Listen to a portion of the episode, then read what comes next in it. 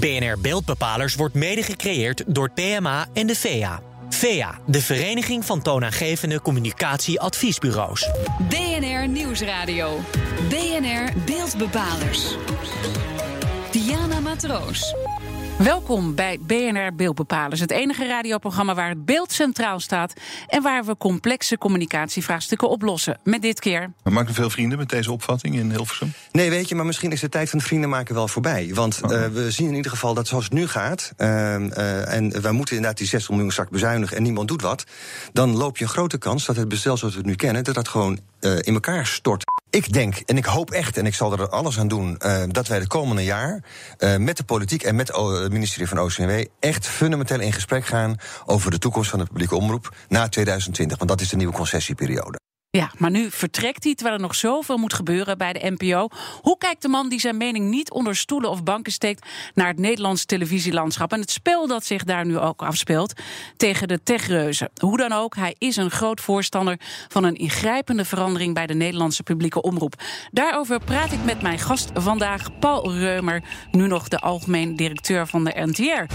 Van harte welkom. Weer terug uh, bij BNR, want we hoorden ja. net ook eventjes een uh, fragment uh, van BNR's Big Five. Dat was in september. Ja. Dat jaartje is wel snel omgegaan, hè? Die zou steken in de nieuwe zender. Ja, nou dat was in de tijd dat wij in de zomer een plan hebben gelanceerd vanuit de NTR voor veranderingen van de NPO. Dat hebben we toen gedaan. Wij vonden dat het gesprek veel te weinig over de toekomst en veel te veel over de bezuinigingen van 2019 ging. Um, ik kan in ieder geval heel tevreden stellen dat uh, het debat over de toekomst nu in volle gang is. En dat we daar in ieder geval een bijdrage aan hebben kunnen leveren. En dat is op zichzelf uh, heel goed, want het is heel belangrijk om goed na te denken hoe wij voor Nederland langjarig een hele goede, stevige publieke omroep overeind kunnen houden. Oké, okay, maar het begin is nu ingezet, maar uh, je hebt ook echt aangegeven: ik vind het belangrijk om hierover mee ja. te denken. Het werk is nog lang niet klaar. Waarom dan toch nu al weggaan? Nou, omdat uh, dit werk is voorlopig nog niet klaar. Hè. Ik denk dat uh, de, de nieuwe concessieperiode, zoals het heet, gaat pas in 2021. En ik vermoed dat de discussie tot op die dag nog heel lang door zal gaan. En voor mij uh, is dit stuk maar een deel van mijn dagelijkse werk. Hè. Uh, ik ben directeur van de NTR, dus 80% van mijn dagelijkse werk speelt zich af om de NTR, uh, laten we zeggen, gaande te houden. En 20% is dit, dit, deze discussie over de bestuurlijke toekomst. En ik ben tot de conclusie gekomen afgelopen uh, kerst. Hè, dan ga je eens nadenken over, uh, over uh, je leven. Hoe ga ik verder? Ja. Hoe ga ik verder? En dat na zeven jaar ik wel gegeven heb wat ik te geven heb aan de NTR. En ik wilde eigenlijk voorkomen dat de routine toe zou slaan. op een gegeven ogenblik, als je zo lang een, een bedrijf hebt geleid. Dan heb je een keer de strategie gemaakt. Je hebt eens een reorganisatie gedaan. Je doet nog eens een keer de strategie bijpunten. En dan, dan loopt het. En dan heb je jezelf min of meer, als je het goed hebt gedaan, eigenlijk wel overbodig gemaakt. En dan komt de ruimte en dan ontstaat bij mij een soort van, van onrust. Dat ik, ik wil weer op zoek naar een nieuwe prikkel, een nieuwe uitdaging. Ja, je hebt ook ergens in het AD gezegd: ik begin me een beetje te vervelen. Ja. Uh, de routine sluipt uh, uh, erin. Toch zou ik denken, hè, kan wel op orde zijn nu bij de NTR, maar alles gaat nu in beweging komen. Ja. Je ziet aan alle kanten dat er aan alle kanten gesleuteld wordt aan de NPO. Was het niet juist nu heel erg spannend geweest om te blijven? Nou ja, de, de, deels zeker wel. Hè. Overigens, die quote van het vervelen die, die staat er een beetje raar. Want ik zit echt de hele dag op mijn neus te eten. Het is juist te voorkomen dat ik me ga vervelen. Maar als uh, directeur van de NTR ben ik natuurlijk maar één van de stemmen... in, uh, in het enorme gekarakeel dat bezig is om de nieuwe publieke omroep uh, op te richten. En dat zijn acht omroepen, het is de NPO, het zijn alle politieke partijen. Dus ik heb echt niet de illusie dat mijn stem nou zo belangrijk of doorslaggevend is... dat het dan helemaal goed gaat. Ik ben maar één van de velen. En als ik straks weg ben, komt natuurlijk weer een andere vertegenwoordiger... die vanuit ja. het perspectief van de NTR, het verhaal van de NTR gaat vertellen... en vanuit dat ja. oogpunt probeert bijdrage te Nou, kennen we jou altijd als iemand die zijn mening niet onder stoelen of banken steekt. En dat heb ja. je dus ook een aantal keer gedaan. Je bent heel kritisch geweest over het huidige systeem van de NPO. Je wilde ja. meer naar een, een BBC-model eigenlijk uh, toe, hè, waar je gewoon productiehuizen hebt en dat eigenlijk die omroepstructuur helemaal verdwijnt. Was het niet ook gewoon dat je het zat was dat die verandering maar niet op gang komt en dat iedereen maar naar elkaar wijst? Nee, echt niet. Uh, uh, ik denk dat de verandering die is op gang. Uh, het plan zoals wij het hebben, hè, wat je net beschrijft, wat wij hebben neergelegd, is een weg naar Rome. Er zijn meerdere wegen naar Rome. Uiteindelijk gaat het erom dat je in Rome komt. Hè, en via welke weg is eigenlijk niet zo belangrijk. En nu zijn de gesprekken daadwerkelijk. Het is echt een fundamentele discussie eh, in Hilversum, maar ook in Den Haag. En dat is prima. Uh, dus ik ben echt niet weggegaan vanuit een soort van frustratie of uh, helemaal niet. Ik ga het heel nauw volgen. Ik zal ook af en toe vanuit af de zeilen nog, nog wat gaan roepen natuurlijk. maar het proces is op de wagen en dat is denk ik wel. maar schiet wel het nou een beetje op? Want we praten hier al zo ontzettend lang over. En je ziet de boel wel een beetje, ja. maar niet echt toch? Weet je wat raar is? We hebben een probleem en we hebben het niet. we hebben geen probleem als je kijkt naar de programma's die wij maken en hoe die programma's worden bekeken en gewaardeerd. Ja, want NPO gaat goed. Dus dat gaat hartstikke goed. De markt gaat goed. Het wordt, het wordt goed ge, uh, gewaardeerd. Uh, uh, en we spelen een belangrijke rol in de samenleving. Dus van die kant is eigenlijk helemaal geen probleem. Het probleem zit meer aan de achterkant, aan de bestuurlijke kant. En aan de waardering die de politiek voor het bestel heeft. En die waardering die meet ik af aan de hoeveelheid geld die beschikbaar wordt gesteld. En dan, als ik kijk naar de afgelopen zeven jaar, hè, toen ik kwam bij de NTR, kregen we de eerste bezuiniging van 200 miljoen. Die was nog niet klaar. We kregen de tweede bezuiniging van nog een keer 50 miljoen. En nu hadden we weer een bezuiniging van nog eens 60 miljoen. Dat is 310 miljoen euro die weggehaald is. Dat is een derde van het totale budget uit, van de publieke omroep. Nou, dat vind ik best erg. Dat moet gestopt worden. Uh, het leegtrekken van de portemonnee. En dan zijn het, de Telegraaf wilde heel graag net doen alsof wij met z'n allen heel erg feesten te vieren en de taart verdelen. Dat is niet waar. De Nederlandse publieke omroep uh, levert een geweldige dienst voor de Nederlandse samenleving. Voor relatief heel weinig geld ja. vergeleken met de landen. En daar gaat dus de hele tijd de discussie over. En er wordt ja. met de politiek afgesproken. Ja. Uh, jij bent ook met die kant natuurlijk bezig geweest. Jij gaat uiteindelijk ook naar die politiek toe om daarover te praten. Heb je nou een gevoel dat er ook ergens een kentering komt in dit verhaal? Want het duurt en het duurt en nee, het duurt. Ja, dat gevoel heb ik wel degelijk. Want uh, in eerste instantie, hè, toen minister Slop kwam, heeft hij 60 miljoen bezuinigd. Daarvan is wel weer 40 miljoen uh, teruggekomen. Uh, en dat was omdat uh, de andere partijen in de Tweede Kamer... die zagen eigenlijk het protest wat ging ontstaan van de makers... en wat ook oversloeg op op de kijkers, die lieten zich horen. En toen ging de boel eigenlijk bewegen. En toen is er in de Tweede Kamer breed gezegd... misschien is het nu wel genoeg geweest met de bezuiniging van de NPO. Misschien moeten we eens kijken of we niet wat structurele maatregelen moeten nemen. Laten we eens gaan kijken of we het beter kunnen maken... in plaats van alleen maar geld weghalen. En dat proces is nu gaande. En dat, ja, daar ben ik op zichzelf wel Ja, wel waar denk je dat het nou op uitkomt? Uiteindelijk gaat het naar een BBC-model uh, toe... want dat is natuurlijk uh, nog steeds de frictie die onderaan de markt gaande is. Ik weet het niet. Ik, uh, wij zijn Engeland niet. Wij hebben echt een uniek systeem. En dat heeft een hele lange geschiedenis. Het past ook erg bij de Nederlandse volksaard. Mm -hmm. He, maar jij zegt zelf, het is uitgewerkt. Klaar, ja, we moeten echt zo, drastisch om. Zoals het nu is, uh, denk ik dat het bestuurlijk op zijn laatste benen loopt. Ik denk dat het, dat het inderdaad vernieuwd en opgefrist moet worden. Of het helemaal een BBC-model wordt, uh, dat weet ik niet eerlijk gezegd. Uh, er zijn nog wel mengvormen te verzinnen. En ik denk in het Nederlandse polderlandschap dat er wel een soort mengvormpje uit gaat komen. Oké, okay. het gaat nog heel lang duren volgens mij als ik jou nee, zo hoor. Nee, nee? In, het, in, het, voorjaar, uh, in dit voorjaar ja. gaat er in de Tweede Kamer een debat plaatsvinden. Naar aanleiding van een plan wat de minister nu aan het schrijven is voor de publieke omroep. Ja. En na dat debat weten wij hoe het ongeveer in 2021 eruit gaat zien. Laten we kijken hoe jij naar de rest van het televisielandschap kijkt. John de Mol, daar zal je niet heen gaan, hè, naar die nieuwe zender. Want volgens mij hebben jullie al heel lang geen contact meer. Ik heb uh, totaal uh, nog niet nagedacht en echt geen plannen. Niemand kan het geloven, maar het is echt waar over mijn toekomst. Ik ga eerst eens lekker een paar weken op vakantie naar mijn kleinkinderen in Amerika. En als ik terugkom, ga ik kijken wat ik ga doen. Ja, dat, dat, dat, dat zegt natuurlijk iedereen. En misschien is het in jouw geval waar. Dat is echt waar. Ja, ik kan er niks aan doen. Het is echt waar. Want we, we zaten ook een beetje te denken, nou, Talpa zal het niet uh, worden, maar misschien toch RTL. Want die nou, hebben best wel een behoorlijke leegloop. De positie van Erland is nog niet opgevuld. Daar is een mooi plekje voor Paul Reumer. Ja, maar weet je, uh, grappig genoeg is als je naar de afgelopen zeven jaar terugkijkt. Elke keer als er een bestuurlijke functie vrijkwam, uh, werd mijn naam daar wel bij genoemd. Op de een van, het is ook een beetje usual suspects. Ja. Weet je, maar, maar zou het kunnen dat je naar RTL gaat? Nou, ik weet het niet. Ik ben, ik ben natuurlijk geen programmadirecteur. Hè. Ik ben een, uh, ik okay, ben een programmamaker geen, en een algemeen nee, directeur. Ik hoor geen uitsluiting hier. Maar ik sluit niks uit. Ik wil, ik wil gewoon echt even afstand nemen en dan kijk ik uh, wat er op me afkomt. En ik wil iets doen wat ik leuk vind, waar ik een uitdaging in, in, vind. En ook, ik zeg altijd, als je een timmerman inhuurt, moet je hem ook gereedschap en materiaal geven. Hè? Dus een positie op zichzelf zegt niks. Je moet ook wel de omstandigheden meekrijgen om succesvol te kunnen zijn in de opdracht die je krijgt. Ja, en ik hoor je dan steeds zeggen van die nieuwe wereld, wat eigenlijk al nu ja. de wereld is waar we volop in leven. Ja. Die digitale slag is ongelooflijk belangrijk. Ja. En dan uh, wijs je volgens mij ook naar Videoland van RTL, die natuurlijk wel uh, daarin een handige weg is ingeslagen. Dus dan denk ik van nou. Dat, dan heb je wel een gereedschapskoffer ja, mijn, de, die leuk de, gevuld is. Dat is waar. Hè. De, de, wat, ik, wat ik zelf persoonlijk interessant vind. Uh, alleen oude mensen noemen nieuwe media nog nieuwe media. Maar laat me zeggen, in de, in de nieuwe bedrijven, in de nieuwe economie. eh, waar bedrijven bezig zijn publiek te vinden op basis van video. Want video blijft toch wel een heel belangrijk eh, eh, eh, eh, ja, eh, eh, ding in onze maatschappij. Daar zijn heel veel bedrijven die te klein zijn voor het tafellaken, te groot zijn voor het servet, die een groei moeten doormaken. En eh, daar zie ik mezelf wel een toegevoegde waarde hebben. Want ik weet hoe je een bedrijf groot maakt. Ik heb verstand van media, ik heb verstand van het vinden van publiek. Dus Mhm. Maar welk zou plekje kunnen. zou dat dan zijn? Ja, dat weet ik. Dat, dat, dat, weet, dat weet ik. Ik heb er echt geen concreet bedrijf bij. Dat maar weet dat ik nog zou niet. wel bij RTL kunnen zijn van iets wat nu misschien heel klein is intussen, want het is behoorlijk afgebrokkeld. Dat Nou je ja, dat weer groot nou, maakt. RTL is niet zo klein. Het is onderdeel van Bertelsmann, is een vrij groot bedrijf hoor. Maar dat- in ik- Nederland, ik- het gaat niet weet je, goed op Het is moment. speculeren. Nogmaals, eh, als ik nu ja zeg, dan staat er morgen groot ergens in een, in een weblog van eh, hij gaat. Maar dat is gewoon niet het geval. Ik zie wat er op me afkomt en dan kijk ik verder. We praten straks verder. En dan praten we natuurlijk ook toch nog eventjes door over de strategie van John de Mol. En of die nou voldoende is om het op te nemen tegen die techreuzen. BNR Nieuwsradio. BNR Beeldbepalers. Welkom terug bij BNR Beeldbepalers. Dit keer hebben we het over het Nederlands televisielandschap. Dat wordt gedomineerd door transfers en concurrentie natuurlijk ook door de techreuzen. Neem Google.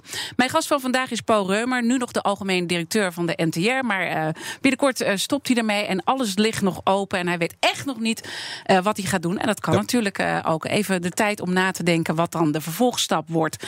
Wel mooi met al jouw kennis, hè, want je hebt zowel aan de commerciële kant als aan de publieke kant jarenlang gewerkt. Om ook eens eventjes te kijken hoe je naar de eh, strategie van John de Mol kijkt.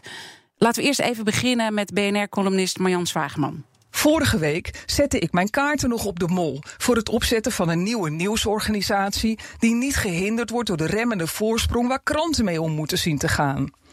Maar na zijn geschamper over Twitter in de wereld draait door, trek ik mijn kaarten in. Een mediamagnaat die zijn neus ophaalt voor een medium met een miljoen gebruikers per dag, verdient een volgende Jack Spijkerman. Ja, de column was natuurlijk eh, veel langer en die is nog terug te luisteren ook op bnr.nl. Maar heeft ze een punt wat ze hier aangeeft, Marjan Zwageman? Nee, ik denk dat Marjan eh, John iets te snel afschrijft. Alleen omdat hij iets over Twitter heeft gezegd. Dat lijkt me niet geheel eh, terecht. Ehm, nee, weet je, het is de tijd van eh, heel veel stuurlui die allemaal weten hoe het, hoe het moet. Maar die zijn allemaal aan de kant. En er worden allerlei vergelijkingen getrokken met een paar jaar geleden die eigenlijk niet opgaan. Hè. Er wordt nu naar SBS gekeken eh, in vergelijking met eh, Tien en Talpa een paar jaar terug. Maar het is een totaal andere situatie. A, waren Tien en Talpa opstartzenders. Die moesten zich van nul invechten in de markt. Dat is SBS niet. Hè. Dat begon op een eh, procent of, eh, nou, wat zal het zijn, eh 8, 9, 10 of zoiets. Eh, en eh, het is een hele andere tijd. Eh, vijf jaar in mediatijd land is enorm, een enorme lange tijd. Er is heel veel veranderd. En ik denk dat als je kijkt naar waar ze bij Talpa mee bezig zijn, dan hebben ze een strategie die niet alleen over tv gaat. Die strategie gaat over tv, gaat over radio, gaat over internet. En gaat eigenlijk over hoe je een, een klantenbestand opbouwt. om uiteindelijk de adverteerder te kunnen servicen. Dat is het spel wat er gespeeld wordt. En daar is de opbouw van de zender speelt daar een, een, een rol in.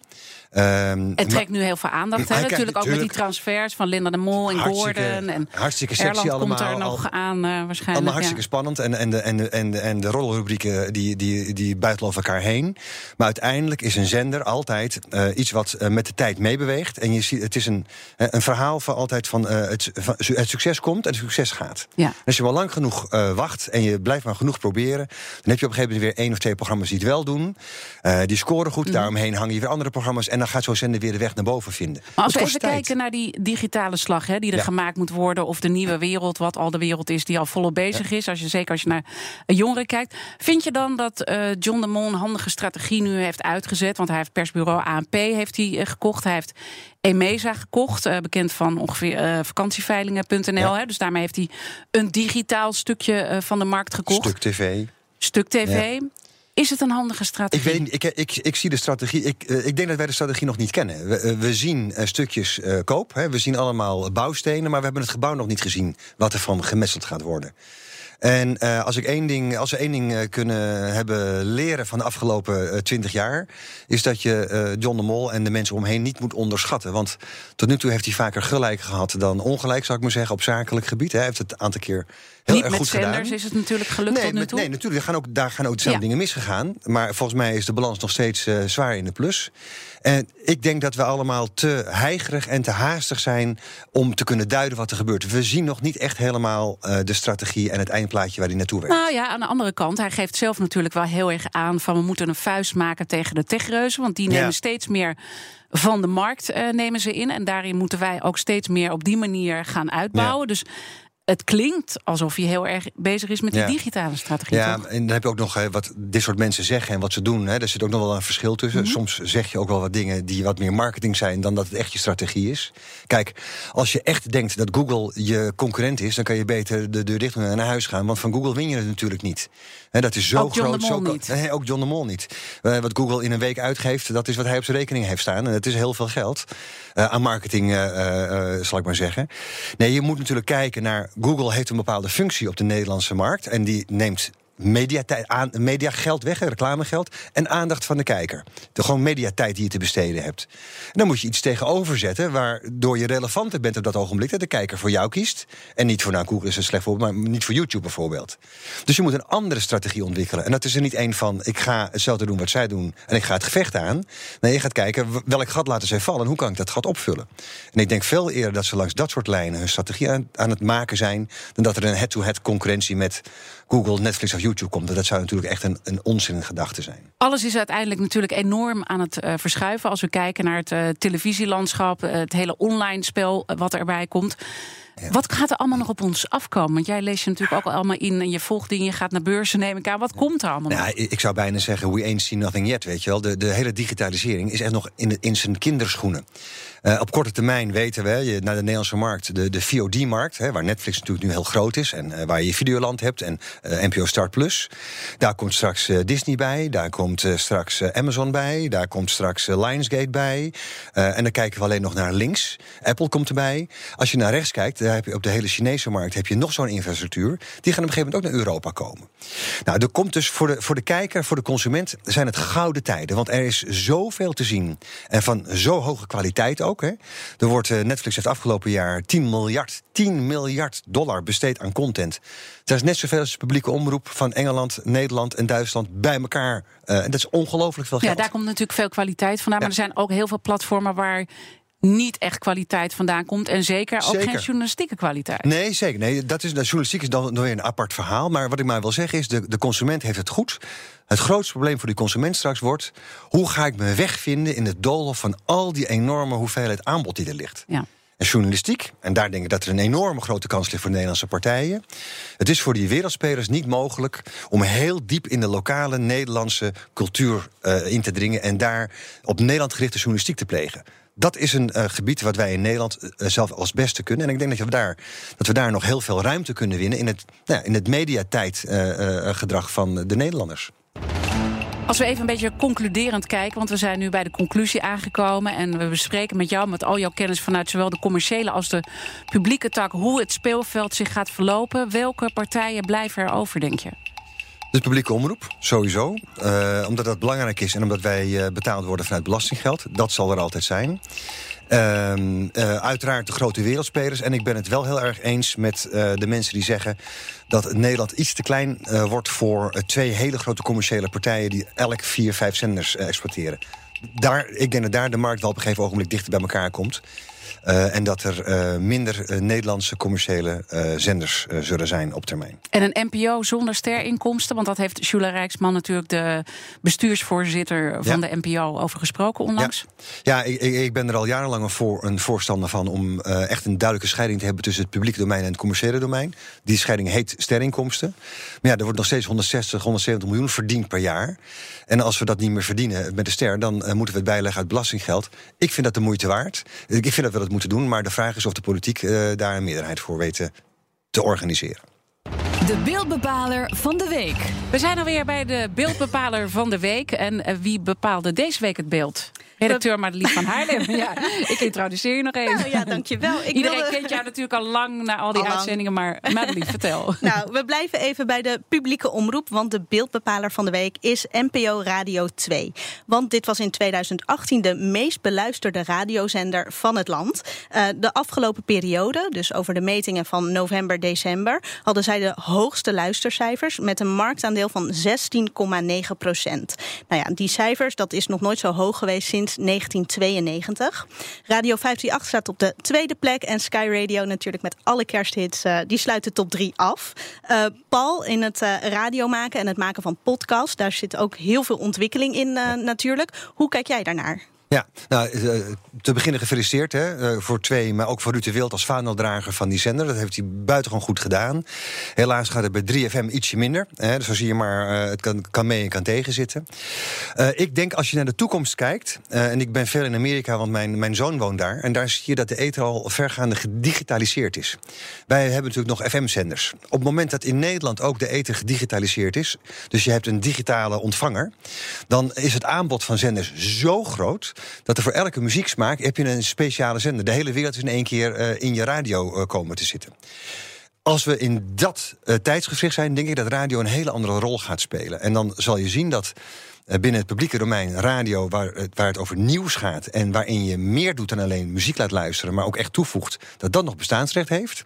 Maar als je eh, de, alleen nog maar eh, muziekzenders hebt, dat dat in het publieke domein steeds minder eh, ja, eigenlijk relevant wordt, omdat er daar, daar- de markt er dan mee overspoeld.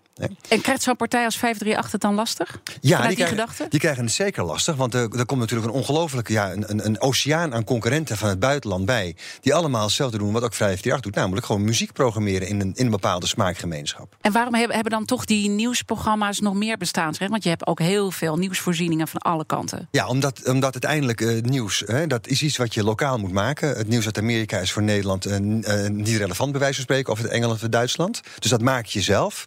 En bovendien, als het nieuws goed gemaakt wordt hè, in, in een publieke omgeving, maar dat ook wel bij, bij, bij commerciële uiteraard, dan is dat gemaakt volgens journalistieke principes. Hoor, wederhoor, het is betrouwbaar.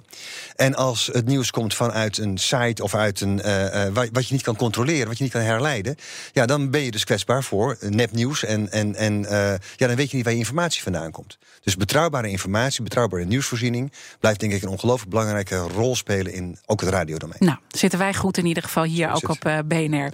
Eh dankjewel Madeleine van Haarlem. En dank natuurlijk aan mijn gast eh, Paul Reurmer. Hij is tot 1 maart de algemeen directeur van NTR. Dan gaat hij even relaxen. eh, volgens mij iets met de kleinkinderen. Zei In? Amerika op bezoek. In ja. Amerika op bezoek. En dan gaan we horen wat hij verder gaat doen. Dit was BNR Beeldbepalers. Terugluisteren kan via de site, de app, iTunes of Spotify.